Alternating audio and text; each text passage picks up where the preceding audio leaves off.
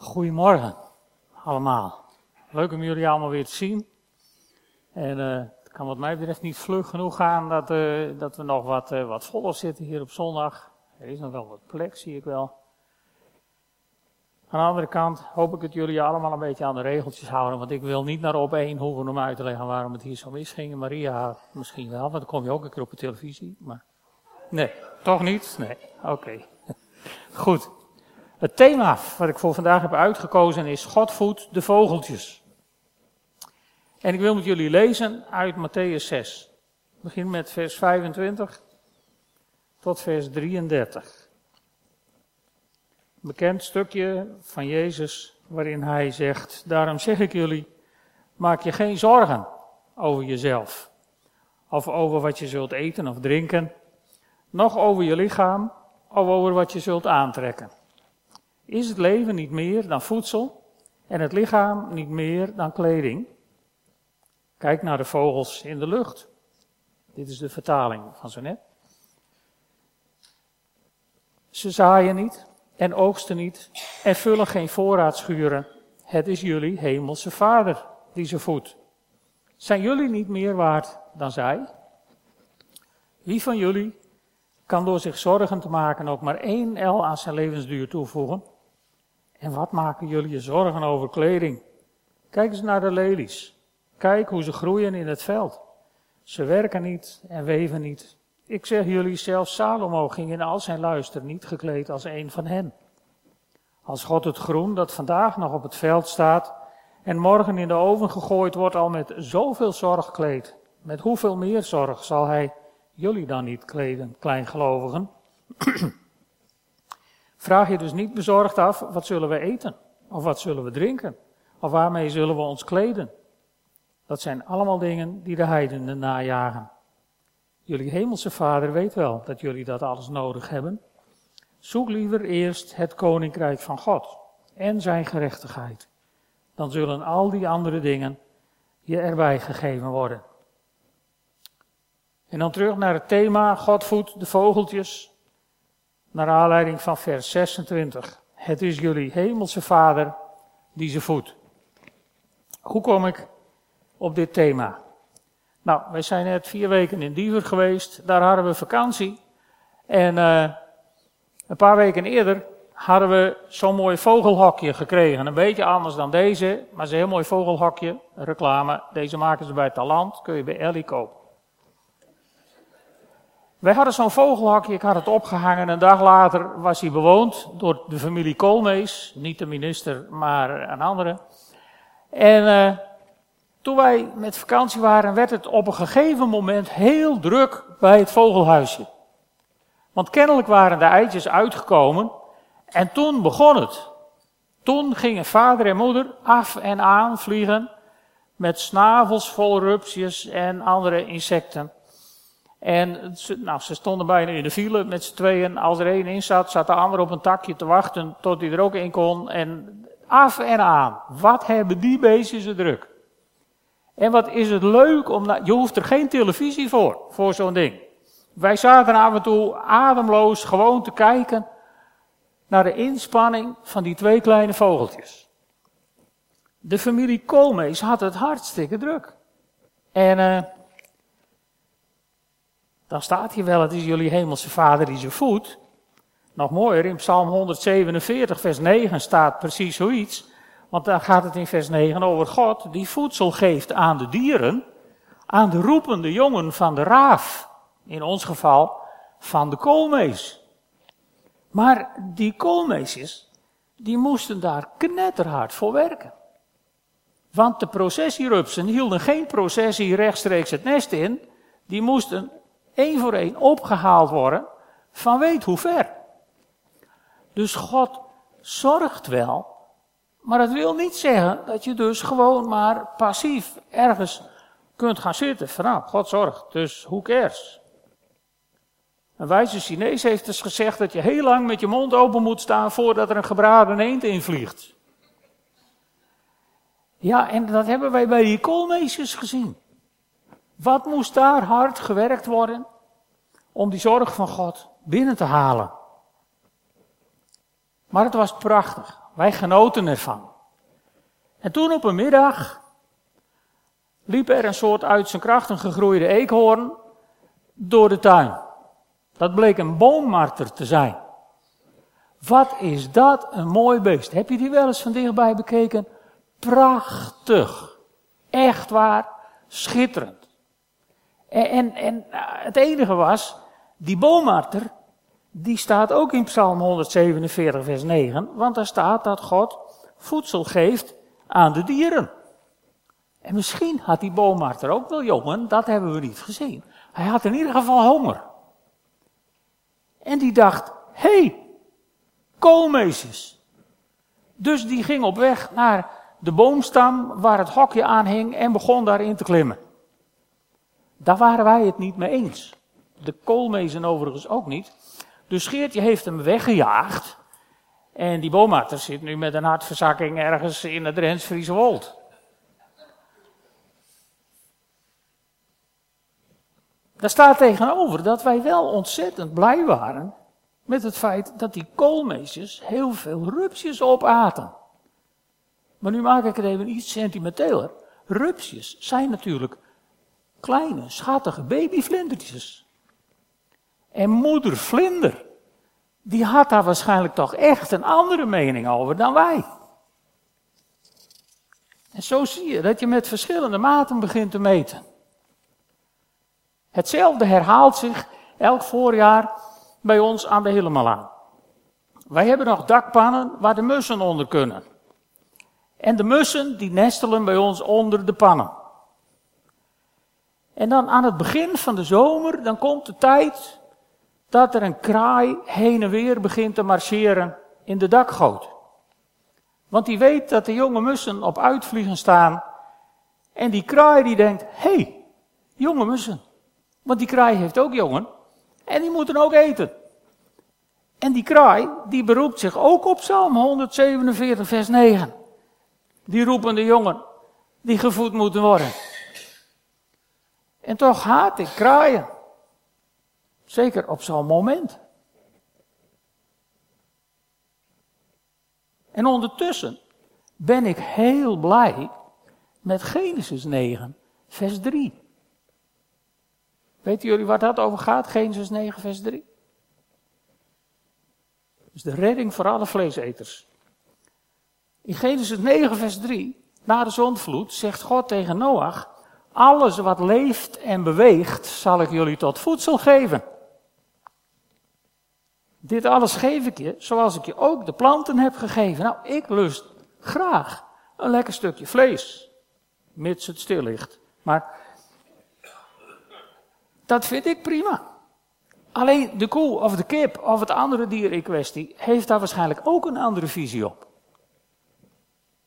En dat brengt mij bij de vraag: waarom vind ik het rechtvaardig dat ik vlees eet? En ben ik boos op de boommarter en de kraai die ook vlees willen eten? En ben ik weer blij met de koolmees die ook vlees eet? Dat is een dilemma, of niet? Al televisie kijkend kun je dezelfde gevoelens ongeveer bijhalen. Je kijkt naar een mooie natuurfilm en het gaat over een, een, een prachtige eh, leeuw met schattige jongen. En die hebben honger en die dreigen dood te gaan van de honger. En dan vangt die leeuw een prooi en dan zit je daarnaar te kijken en dan denk je, nou gelukkig. De jonge leeuwtjes hebben weer wat te eten. Maar dan kijk je naar een ander natuurprogramma en dan zie je zo'n prachtige gazelle ergens in, in de woestijn of ergens in het oerwoud. En die krijgt zo'n schattig jong. En dan komen er van die oerlelijke hyena's, moet echt een vergissing in de schepping zijn geweest, maar dan komen er van die oerlelijke hyena's. Ja, die hebben ook jongen. En die vangen zo'n schattig antiloopje. En dan denk je niet van nou, heel gelukkig. Of hebben jullie daar nooit last van? Het is toch vreemd dat we op die manier met twee maten meten. Om dan nog maar te zwijgen van de wolf die honger heeft en achter je schapen aan gaat zitten. Hè? Dan, dan zijn de rapen helemaal gaar. Maar het toppunt wordt toch echt wel bereikt als er een virus aankomt hollen wat achter ons mensen aan zit. Dan gaan we moord in brand gillen. Hoe kan God dit toelaten? Hoe kan dit allemaal? Wie zijn schuld is het? En dan gaan we op zoek naar de kandidaat antichrist die hiervoor verantwoordelijk moet worden gesteld. En dan duiken allemaal verhalen op over nieuwe wereldorders en eindtijden en whatever. Want dit kan natuurlijk helemaal niet. Nou, met deze vragen zou je eindeloos bezig kunnen zijn. Maar lieve mensen, de waarheid van Facebook en Twitter maakt je niet vrij. Die nemen je gevangen in complottheorieën, in verdenkingen, in boosheid, in angst. Dat gaat je niet redden. En dan komt Jezus met dat prachtige vers 33, wat we ook hebben gelezen. Zoek liever eerst het koninkrijk van God en zijn gerechtigheid. Dan zullen al die andere dingen je erop toegegeven worden. Dus als we eerst het koninkrijk van God zoeken, dan vinden we zijn gerechtigheid. En dan al het andere komt erop toe. Met andere woorden, God zegt, ja, dan komt het wel goed. Dat is een beetje volgens mij waar dit op neerkomt. En die gerechtigheid van God, die zullen wij mensen nooit helemaal begrijpen.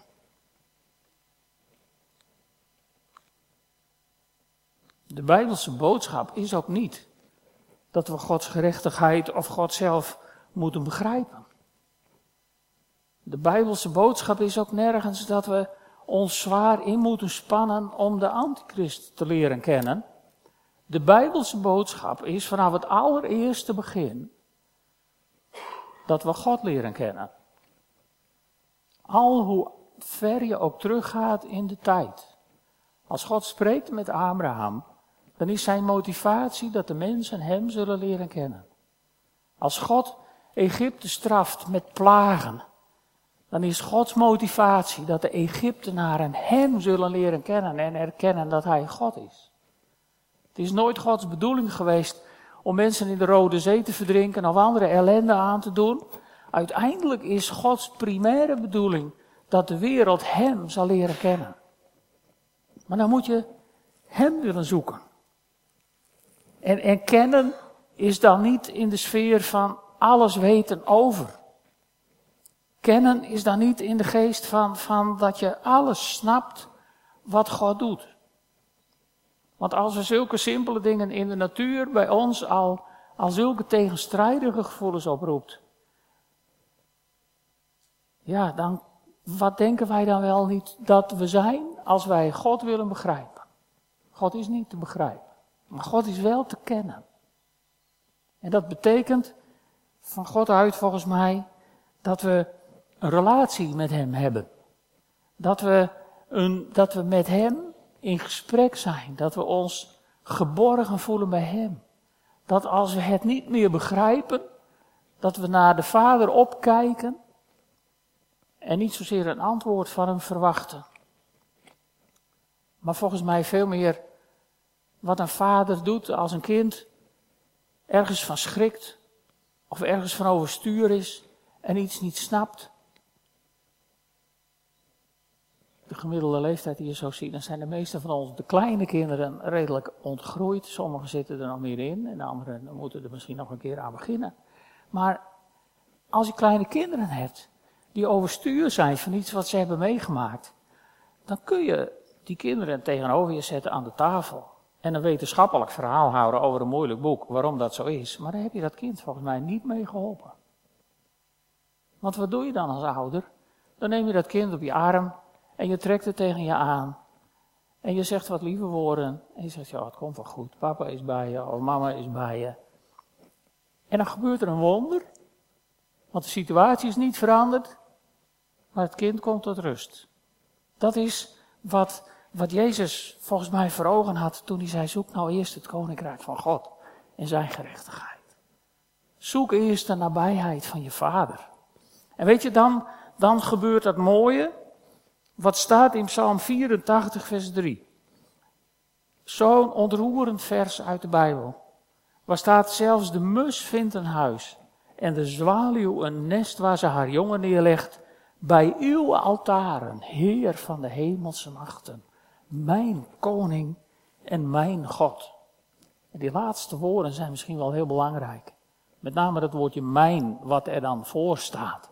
Dus we hebben het dan niet meer over een koning of een God ergens ver weg, ergens in het onbereikbare, ergens, ergens ver achter die gerechtigheid die je moet proberen te begrijpen.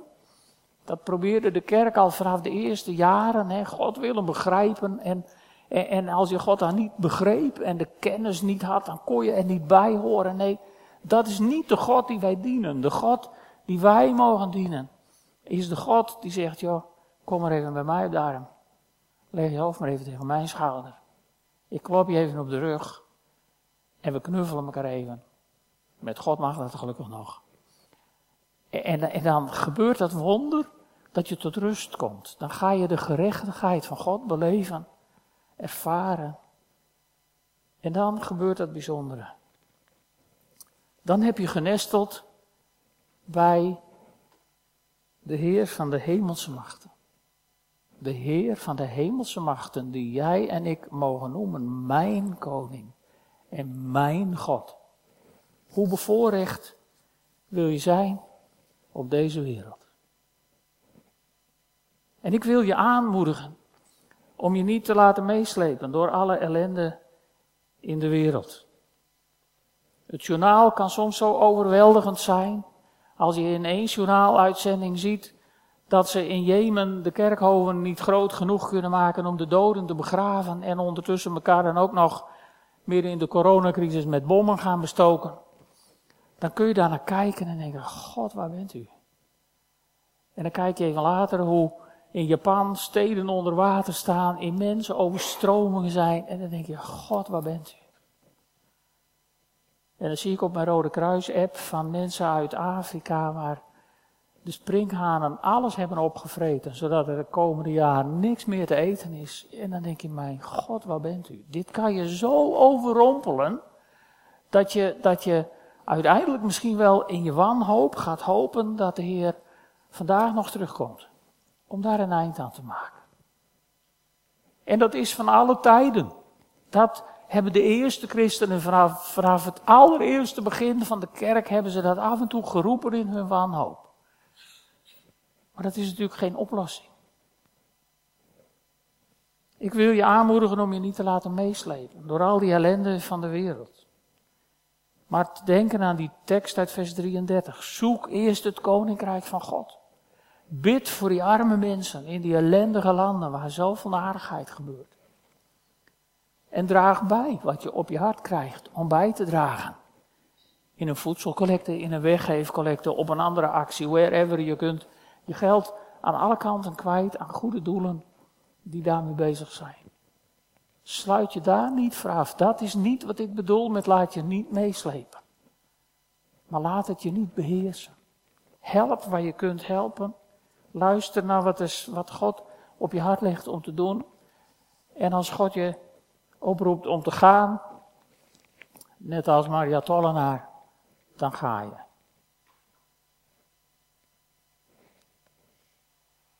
Het andere wat ik je toe wil oproepen is, laat je ook niet gek maken door al die onheilsprofeten. Je kunt op dit moment de televisie niet aanzetten of er zit weer iemand te vertellen hoe vreselijk de tweede coronagolf gaat worden. En als die is uitgepraat, dan komt er iemand vertellen hoe dramatisch de economische ineenstorting gaat worden. En, en lieve mensen, laten we, er, laten we ermee ophouden. Met al dit gedoe. Laten we het koninkrijk van God gaan zoeken. Laten we ons laten troosten door zijn gerechtigheid. Laten we alsjeblieft met elkaar gaan nestelen bij het altaar van de Allerhoogste. Ons veilig voelen in zijn aanwezigheid. En dat is iets anders dan de kop in het zand steken en net denken alsof al die dingen er niet zijn. Natuurlijk zijn er lastige dingen in deze wereld. Die zijn er altijd geweest, die zijn er vandaag en die zullen er altijd blijven. Maar alle eeuwen door hebben christenen daar met opgeheven hoofd mee kunnen leven. Omdat ze nestelden bij de altaren van de Allerhoogste God. En tegen God durfden te zeggen, mijn koning en mijn God. Dat is als het ware dat kind wat even bij God op de arm is. Even zijn hoofd tegen Gods schouders legt. Even dat klopje op de rug krijgt van zijn hemelse vader. En dan zegt God, joh, al dat andere zal je erbij gegeven worden. Het komt wel goed. Relax. Kom maar bij mij. En zo wil God ook vandaag ons bemoedigen. Het is lang geleden, door de corona, dat we dat we avondmaal hebben gevierd. En vandaag mogen we dat weer vieren met elkaar. Er is brood en er is wijn. En het zal een beetje anders gaan dan we tot nog toe gewend waren. En uh, ook dit is de maaltijd waarin God voorziet. Hij voorzag in een offerlam. Wat zei, dit is mijn lichaam, wat voor jullie gegeven is. Hij voorzag in een offerlam die zei, ik voorzie in mijn bloed voor een nieuw verbond met jullie. En desondanks, als je straks al die kleine bekertjes ziet die één voor één zijn ingeschonken, hebben ook daar mensen knetterhard voor moeten werken vanmorgen, net als de koolmeisjes. Voor hun jongen. Maar het is goed. Laten we samen avondmaal vieren.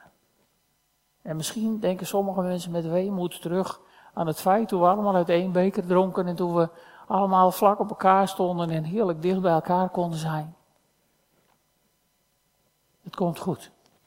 Die tijd komt weer terug. Maar nu even niet. Want ik wil niet in op één hoeven uitleggen waarom het hier zo mis is gegaan. Maar het komt goed. Want wij nestelen samen bij de altaren van de Allerhoogste God. Zullen we samen bidden? Heere God, ik dank u wel dat u ons niet loslaat. Dat uw hand onder ons is om ons te dragen. Dat uw hand op onze rug ligt om ons te troosten. Dat u ons zo helpt om verstandige keuzes te maken. Heer, en dat we ons geborgen mogen weten bij u. Heer, wat is het een voorrecht om, om te mogen nestelen bij uw altaar. Zo dicht in uw aanwezigheid te mogen zijn. Met ons, met onze kinderen. Heere God. En ik dank u wel dat we ons zo beschermd mogen weten door u. En dat we ook mogen weten, wat er ook gebeurt en hoe het ook gaat. U bent mijn koning en mijn God. En het komt goed. Daar dank ik u voor. In Jezus' naam. Amen.